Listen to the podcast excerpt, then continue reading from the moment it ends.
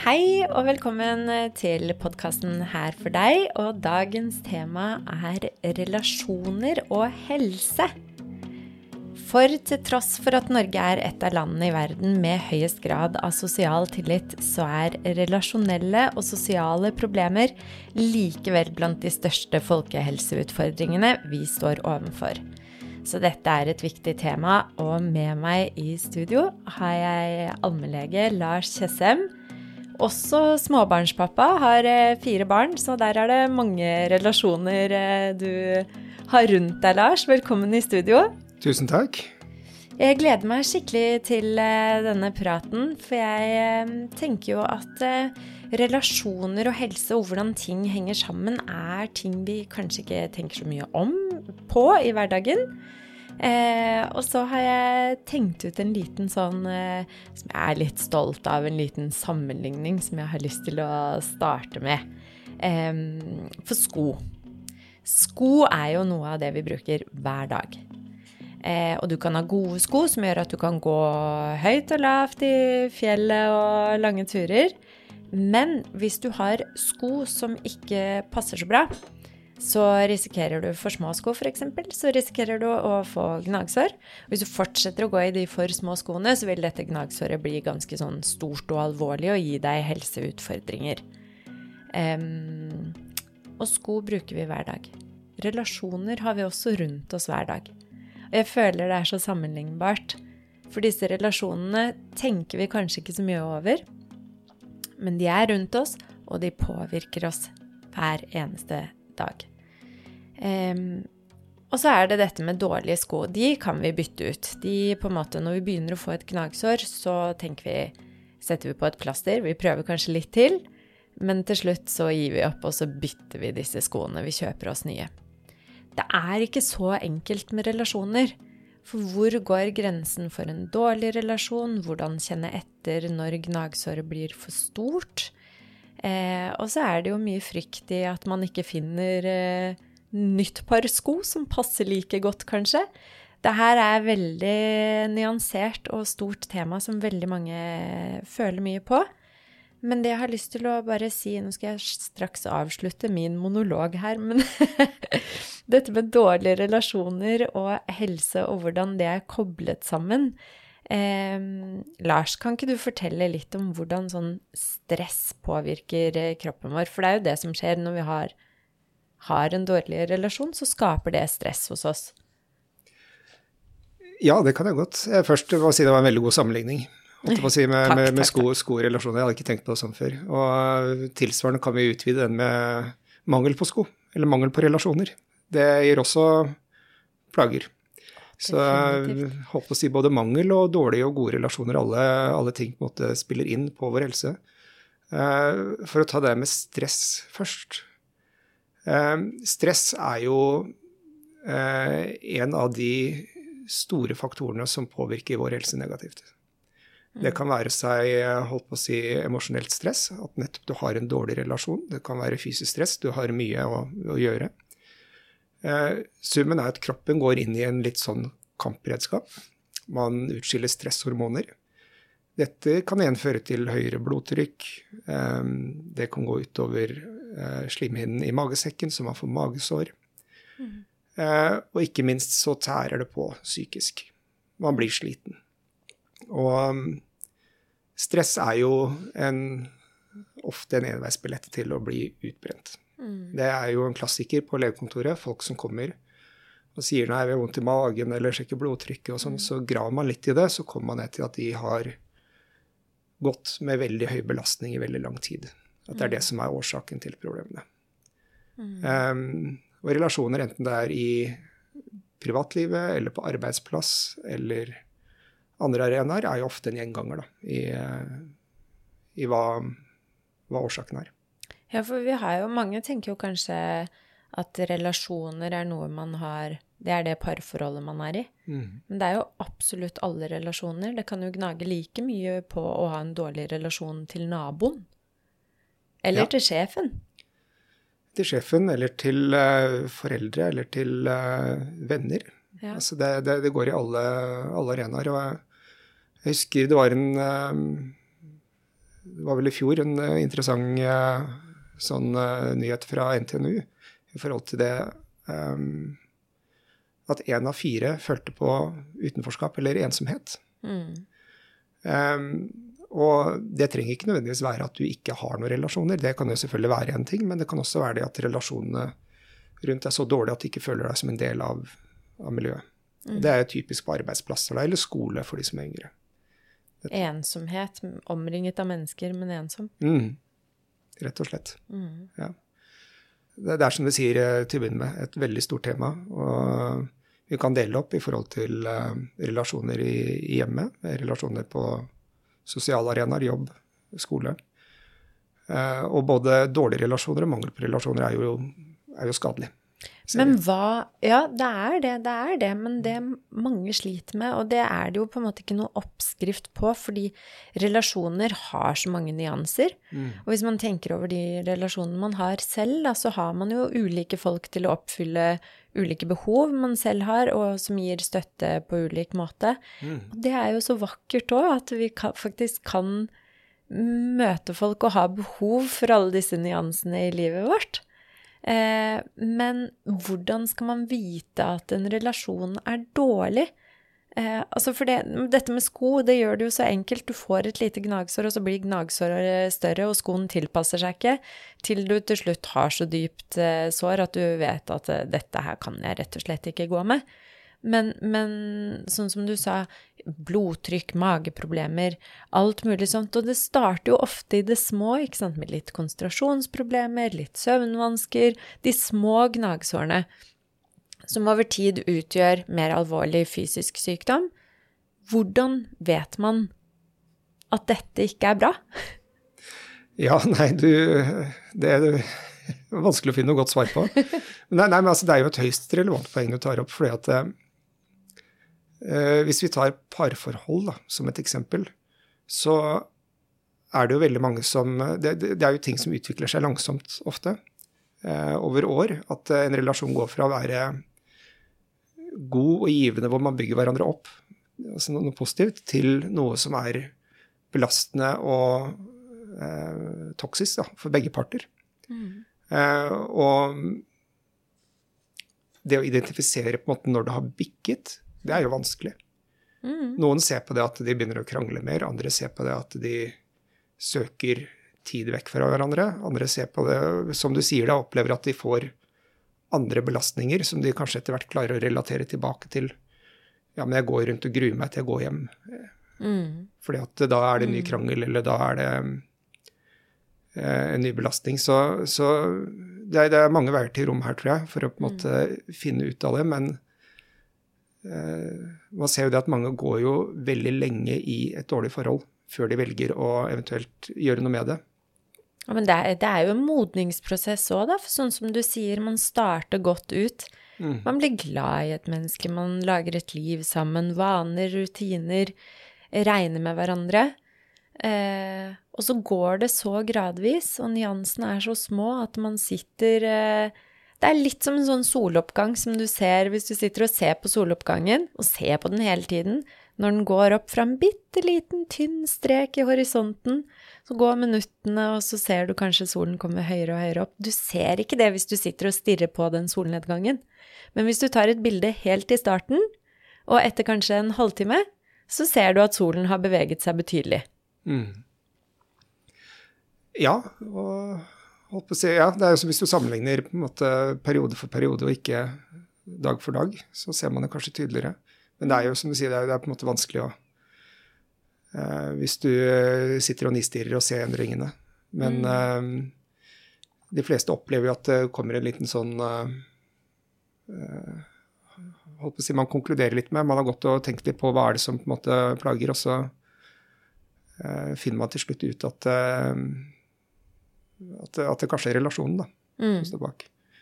Og så er det veldig enkelt da, når man begynner å kjenne på ting, eh, å skille litt, eh, eller ikke litt, eh, legge skylden, skylden på den andre.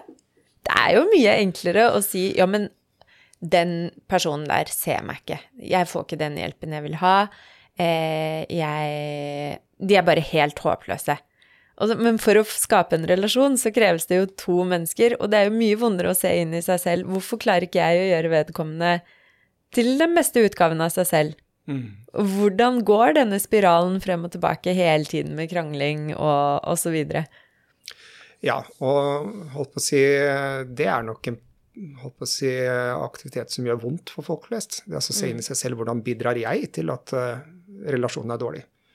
Uh, ikke nødvendigvis bare med partner, men i forhold til uh, familie, venner, på jobb også. Så mm. det å på en måte Jeg tror det er ganske sjeldent det å ha en god innsikt i, i seg selv. Jeg kan si det, For at det å se seg selv i speilet og konkludere med det, det Ofte så er det enten en veldig selvdestruktiv affære. Mm. eller så Ellers gjør det veldig vondt, altså.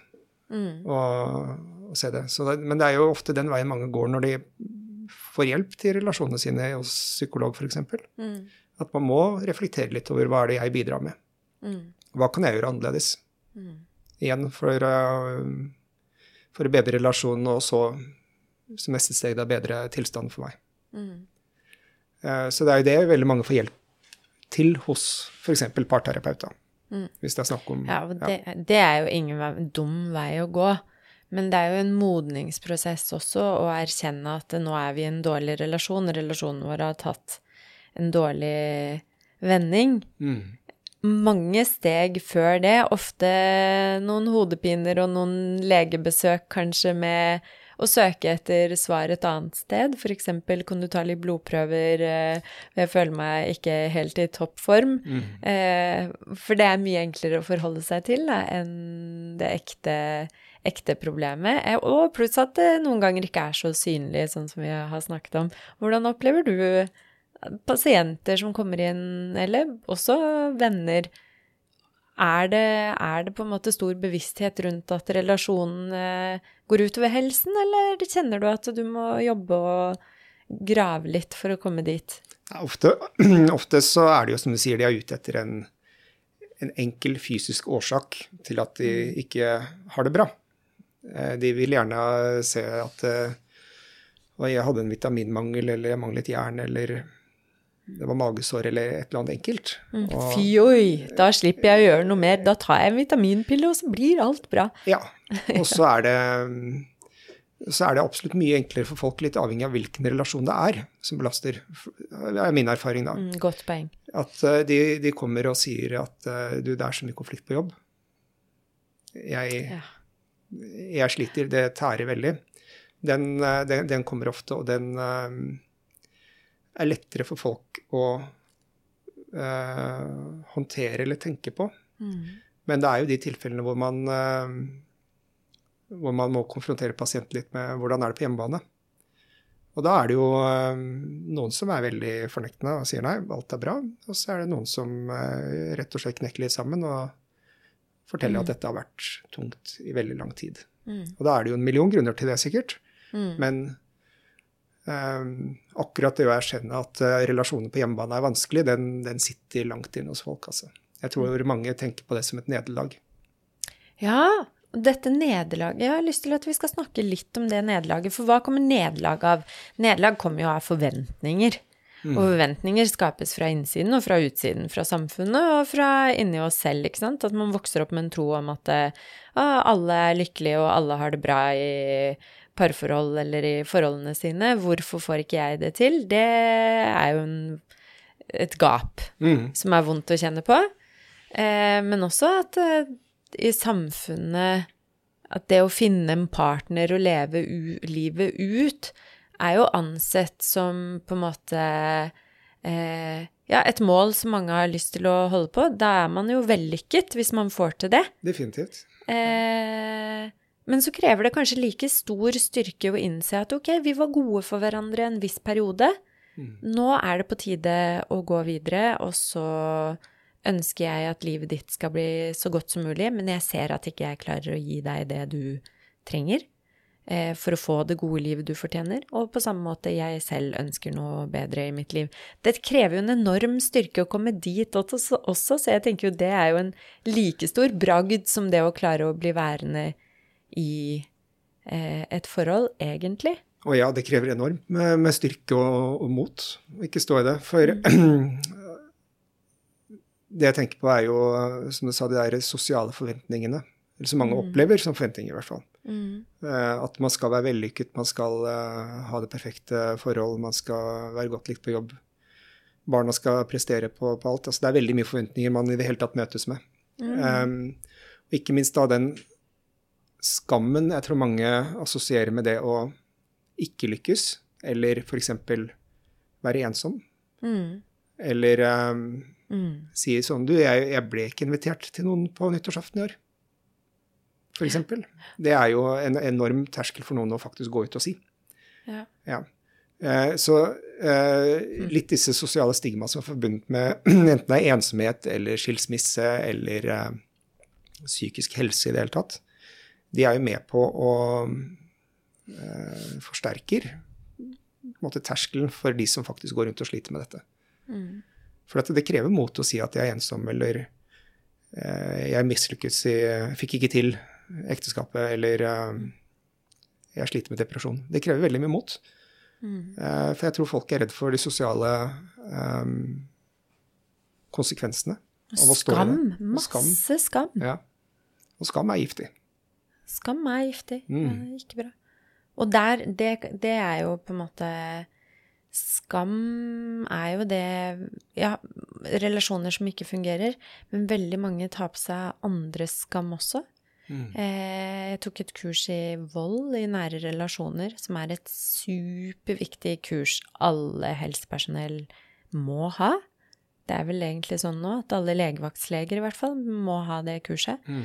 Og det syns jeg er så fint, for jeg blir helt sånn overveldet over hvor mange som egentlig lever i relasjoner med vold, da. Ja. Eh, og hvor ofte eh, på en måte disse pasientene kommer med litt sånn som du sier, diffuse plager. Mm. Og så var det de magesmertene, så finner man ikke ut av de magesmertene. Og så er det en tilbakevendende migrene, og så finner man ikke ut av det. Prøver litt migrenemedisiner. Men da tar man symptomene, man tar ikke rotårsaken. Og så forplanter det seg i kroppen. At man går og bærer på andres skam. Man tør ikke å komme ut, tør ikke å snakke om det. Mm. Redd for konsekvenser. Eh, og vold, hva, altså hva er vold? Hva er vold? Ja, hva er vold? Altså, det er den åpenbare fysiske volden, men altså, psykisk vold det er, jo, det er, jo, også eh, tilsvarende belastende over tid. Og du ser jo de barna som vokser opp med, med psykisk uh, vold i, i, i, familien. Så enten det er at det er trusler om konsekvenser hvis du ikke gjør som jeg sier, eller mm. trusler om å bli forlatt, mm. den type ting, de, de, får jo store utfordringer når de blir voksne. Ja, alle ja. studier viser jo det, at mm. barn som har vokst opp med slik usikkerhet i barndommen, de får jo masse, er utsatt for å få masse helseplager. De er overrepresentert blant diabetes, hjerte-karsykdommer osv. Mm. Og livskvaliteten blir så mye lavere i voksen alder. De tar ofte kortere utdannelse, kanskje har de mindre trua på seg selv. Mm. Så det forplanter seg på alt, da. Ja, det gjør det. Sånn at det er jo Vi er jo inne på, på en måte et stort, komplekst sånn samfunnsproblem. Mm. Så dessverre folk kan føle seg veldig ensom i. Og det er jo litt sånn paradoksalt når det faktisk er veldig, veldig mange som sliter med problemer som er relatert til relasjoner. Mm. Ja, enten det er uh, at du går og bekymrer deg eller har fysiske symptomer pga. det. Men det er veldig mange som, som, sliter, og som sitter helt alene med det. Mm. Så det er jo det, er, det store paradokset her når det er uh, når du kan være ganske sikker på at det er opptil flere i samme rom som deg som sitter med akkurat samme Eller varianter av samme problemer. Ja, det er helt utrolig. De tallene er så høye. Mm. Jeg bare håper liksom at terskelen senkes for å kunne prate om disse tingene, men det er jo, sånn som du sier, et stort, komplekst og sammensatt tema. Og, men noe er jo også kunnskap. Altså hva er vold? Litt sånn som du har vært inne på. Det er ikke bare slag. Det er Nei. også psykisk. Mm. Trusler, mm. maktubalanse. Eh, litt sånne ting. Mm. Seksuell vold med tvang innad i Det kan skje voldtekter i et parforhold, og det er jo ofte der det skjer. Ja, definitivt. Og det er jo litt som du var inne på, den uh, terskelen for altså å si fram om noe. Det er jo der, holdt på å si, man Jeg tror at man kan uh, bidra med noe uh, i samfunnet og faktisk få gjort noe med det. Det ene er at hver enkelt må kunne føle at de har trygt rom og, og si fra om, om, sine utfordringer på. Mm. Enten det er ensomhet eller overgrep eller, eller, hva det er. Og det er der fastlegen ofte blir brukt. Mm. Um, eller bør bli brukt, i hvert fall. Um, men så er det jo litt uh, Og det er jo veldig mye enklere sagt enn gjort. Hva kan samfunnet som helhet gjøre mm. i forhold til å på en måte uh, åpne opp for denne diskusjonen og den dialogen, da. Og, og, ta et oppgjør med den skammen som er forbundet med uh, relasjonelle problemer. Mm. og psykisk helse. Og det er jo der alle har en jobb å gjøre. Mm. Definitivt. Ja, uten tvil. Mm. Som er så viktig i det samfunnet vi lever i nå også. For nå har vi jo Vi har relasjoner i det ekte livet, men vi har også relasjoner i det digitale livet. Mm. Som er en sånn merkelig ting som også har en uh, innflytelse på vår helse.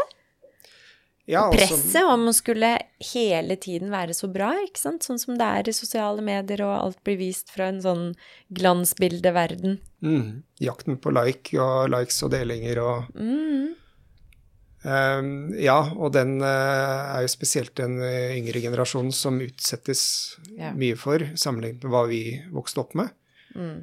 Um, og der har jeg fra, hørt en god del historier fra skolen til, eh, til barna mine at uh, veldig mange barn opplever eh, sosiale medier og det digitale livet som utrolig belastende. Mm. Igjen fordi de føler at hvis de ikke er pålogget hele tiden, så går de glipp av noe. De blir uh, utelatt fra planlegging, hva som skjer osv. Utenforskap. Utenforskap. Som starter i det små. Ja, og frykt for utenforskap. Og for det andre så, så pågår det en god del uh, ufin mobbing og regelrette overgrep i den digitale verden. sånn at det, det, er jo også en helt sånn en ny sfære. En ny og ny, altså det har pågått en god del år, men uh, i sammenlignet med hva vi hadde, så er jo det en ny sfære hvor det sosiale livet også går inn. Og der er sånn som du sier, altså jeg har så lyst til å ta tak i det du sa med mobbing. Mm. Eh, altså bare måten vi kommuniserer med hverandre. Mm. Eh, det er et eller annet som skjer i endring, for jeg også har sett det på ja, både skolebarn som jeg har som pasienter, men også egen erfaring. Måten man snakker til hverandre på, den er så eh, den, den, har endret seg på et vis i forhold til at det er så lett å gjemme seg bak en skjerm. Mm. Og hvordan barna, hvordan terskelen hos barna er for å snakke til hverandre, sier slemme ting. Hvordan den har blitt senket, eh, har jeg hørt flere lærere si at det er helt sånn enorm omveltning etter sosiale medier og den terskelen for å kunne slenge med leppa og være slem med hverandre. Nettopp fordi man har vokst opp i en verden med at du kan gjemme deg bak en skjerm og si stygge ting. Mm. Og hvis du først tråkker over den terskelen, gjør det, så er det overførbart til det ekte livet, da. Ja, Nei, det tror jeg gjerne på. Det at det er blitt en, en lavere terskel for å, for å uttrykke seg på en annen måte enn hva, hva vi, vi, vokste opp med. Um, det var jo mye snakk om til å begynne med disse uh, kommentatorfelttrollene, som ja. i, der ikke sparte på noe krutt. Altså som mm. kunne uttale seg stygt, men som ikke gjorde det i det virkelige liv. Mm. Men mm. at uh, Få ut litt frustrasjon bak skjermen. La det gå ja, utover andre. Ja. Men uh, at uh, dagens uh, ungdommer overfører det til virkelig liv, det ser jeg gjerne for meg. Mm. At det, det, har endret måten man kommuniserer på. Mm. Og um, jeg tenker der har jo vi som er foreldre et ansvar for å aktivt være en del av barnas digitale liv. Mm. mm. Og følge opp hva de gjør. og absolutt Lære de å inkludere, lære de å kommunisere. Ja, og lære de å kommunisere på en ordentlig måte og korrigere den uønskede atferden, da. Mm. Mm. Og det er én ting er nettopp dette med kommunikasjon innad i den digitale verden som er overførbart til, la oss kalle det den ekte verden, men også denne sveipekulturen med at det er så enkelt å få liksom et annet eh, valg hvis noe ikke går helt som du vil. Mm. Eh, inn i relasjoner og det å være ung og prøve å finne en kjæreste eller noen du vil bygge livet ditt med. Fryktelig vanskelig nå. Eh, fordi hvis noe ikke går helt etter planen, hvis det er litt utfordringer, så er vi ikke Det å jobbe med en relasjon krever mye mer enn å bare sveipe videre og prøve neste. Ja, ja, det er et interessant sånn tema det er innpå der. Det å, at man kanskje har vokst opp litt med den uh, løsningen at når det er noe som ikke gir god nok stimuli, så er det bare å sveipe videre til neste Mm. og, og få det der. Og at uh, man ikke lærer seg de grunnleggende verktøyene man trenger for å faktisk stå i en relasjon. Mm. Ja, og vite det. Altså, det fins jo ingen relasjoner som bare er utelukkende positive. Alle har jo opp og ned, spesielt når det er snakk om parforhold. Mm. Men, eh, men det er noe med det å lære å ikke sveipe videre med en gang det er eh, litt motbakke, Mm. tenker jeg da. Ja, kjenne etter eh, en dårlig relasjon. Vi snakket jo om hva er en dårlig relasjon. Mm. Men en god relasjon kan være dårlig i, i perioder uten at det trenger å bety at eh, man må gå ut av den. Det her handler jo om det store bildet, ikke sant? Mm. Kjenne etter hva er det som er en god og en dårlig relasjon for deg? Hvor setter du standarden, og når begynner det å eh, gå utover din helse, eh, og så videre? Og litt det å jobbe for det og ønske å jobbe for det begge to og innse at eh, ok, vi klarte å komme oss ut av dette, eller dette ser det ut til at vi ikke kommer oss eh, ut fra. Mm. Det, er, det, er, det er noe med det. Det er også se at det er, det er mange varianter av relasjoner. Mm. Det er mange Alle, alle relasjoner har sine faser òg. Um, Og alle relasjoner kan ikke dekke over alle dine behov. nei, det er et godt poeng. Da må man eh, supplere med å ha flere venner eller andre som kan eh, komme inn og være støtte akkurat på måter eh. Ja, og det er vel den, holdt på å si, det derfor mennesker er flokkdyr. At vi faktisk eh, har behov for et nettverk rundt oss, familie. Og det ser vi spesielt på de som mangler nettverk eller mangler familie, og gjerne da arbeidsledige òg, at de, de har jo en mye dårligere helse sånn jevnt over. Mm. Um, Og dette er det studier som bekrefter eh, Så det er ikke sånn synsing, men det er så tydelig òg. Det det er tydelig òg. Og det er jo spesielt da eh, enslige, arbeidsledige. Eh, de, de har eh, De føler på ensomheten. Det er mye større belastning i forhold til psykisk og fysisk sykdom. De har dårligere prognose i forhold til livslengde, eh, i forhold til mulighet til å komme seg tilbake til arbeidslivet. I det hele tatt sånn at eh, Og det er jo en ganske stor andel av befolkningen som faller inn under den kategorien. Så der er det jo absolutt viktig at man har fokus. Og jeg tenker for eh, oss som klinikere identifiserer de som faktisk er i den gruppen, sånn at man kan bistå med å komme med relevante tiltak. Så det er jo derfor legen stiller spørsmål om arbeidstilstand, familie og, og slike ting, da, i tillegg til spørsmål om, om det kroppslige. Så det er, det, er, det er en grunn til at vi stiller de spørsmålene, og skal stille de spørsmålene. Men også for alle andre som eventuelt lytter på, at hvis man faktisk legger merke til at det er noen i litt sånn perifer omgangskrets, en onkel eller en tante eller et eller annet som er veldig mye alene, at det kanskje vil lønne seg eller være en god ting å strekke ut en hånd til vedkommende. Ja. Veldig fint sagt. Veldig godt og viktig poeng. Og med det så tror jeg faktisk at vi skal eh, At det nærmer seg slutten på denne episoden, Lars. Jeg hadde bare lyst til å legge til dette med eh, å rekke ut en hånd. Også til voksne og voksne relasjoner rundt der, men også barn som strever. Det er jo en del snakk om det nå, at det er så mange barn som strever med å tilpasse seg og følelse og impulskontroll. Og i stedet for å stille spørsmålet hva er det som er gærent med det barnet der, så spørre hva er det som har skjedd med det barnet? Hvilken bagasje har det? Hvordan kan vi bidra til at det får det bedre, og føle på fellesskap? Hvordan kan vi lære barna våre å inkludere de? Og hvordan kan vi lære barna våre egentlig? Det er en av de viktigste rollene vi har som voksne mennesker med barn. Mm. Definitivt. Um, så det vi har Det jeg har fått ut av denne praten i dag, som jeg tenker eh, er verdt å ta med seg videre, og en fin sånn påminnelse med ting vi ikke tenker på, mm. er nettopp dette med viktigheten av relasjoner. Eh, ikke bare for trivsel og livskvalitet, men det er viktig for helsen vår. Eh, en dårlig relasjon kan gi små gnagsår i starten, som søvn- og konsentrasjonsvansker, eh, hjerteproblemer på sikt, depresjoner. Og jeg må jo si at noe av det jeg møter eh, hyppigst på legekontoret når det er en pasient med depresjon, så stammer jo det fra en dårlig relasjon. Mm. Og i forlengelsen av det, siden vi snakker om helse i dag også, så vil jeg jo bare si hvis du tar et kjapt Google-søk på depresjon som årsak til kreft, så vil du komme over eh, ja, slående tall eh, over hvor godt linket det er. Så relasjoner er viktig for helsa.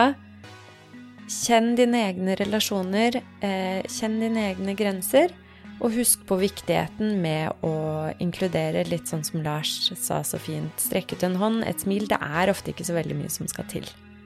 Og ikke bare bedrer du da livskvalitet og fellesskapet rundt, men eh, også sannsynligvis helsen til de rundt deg med så enkle grep.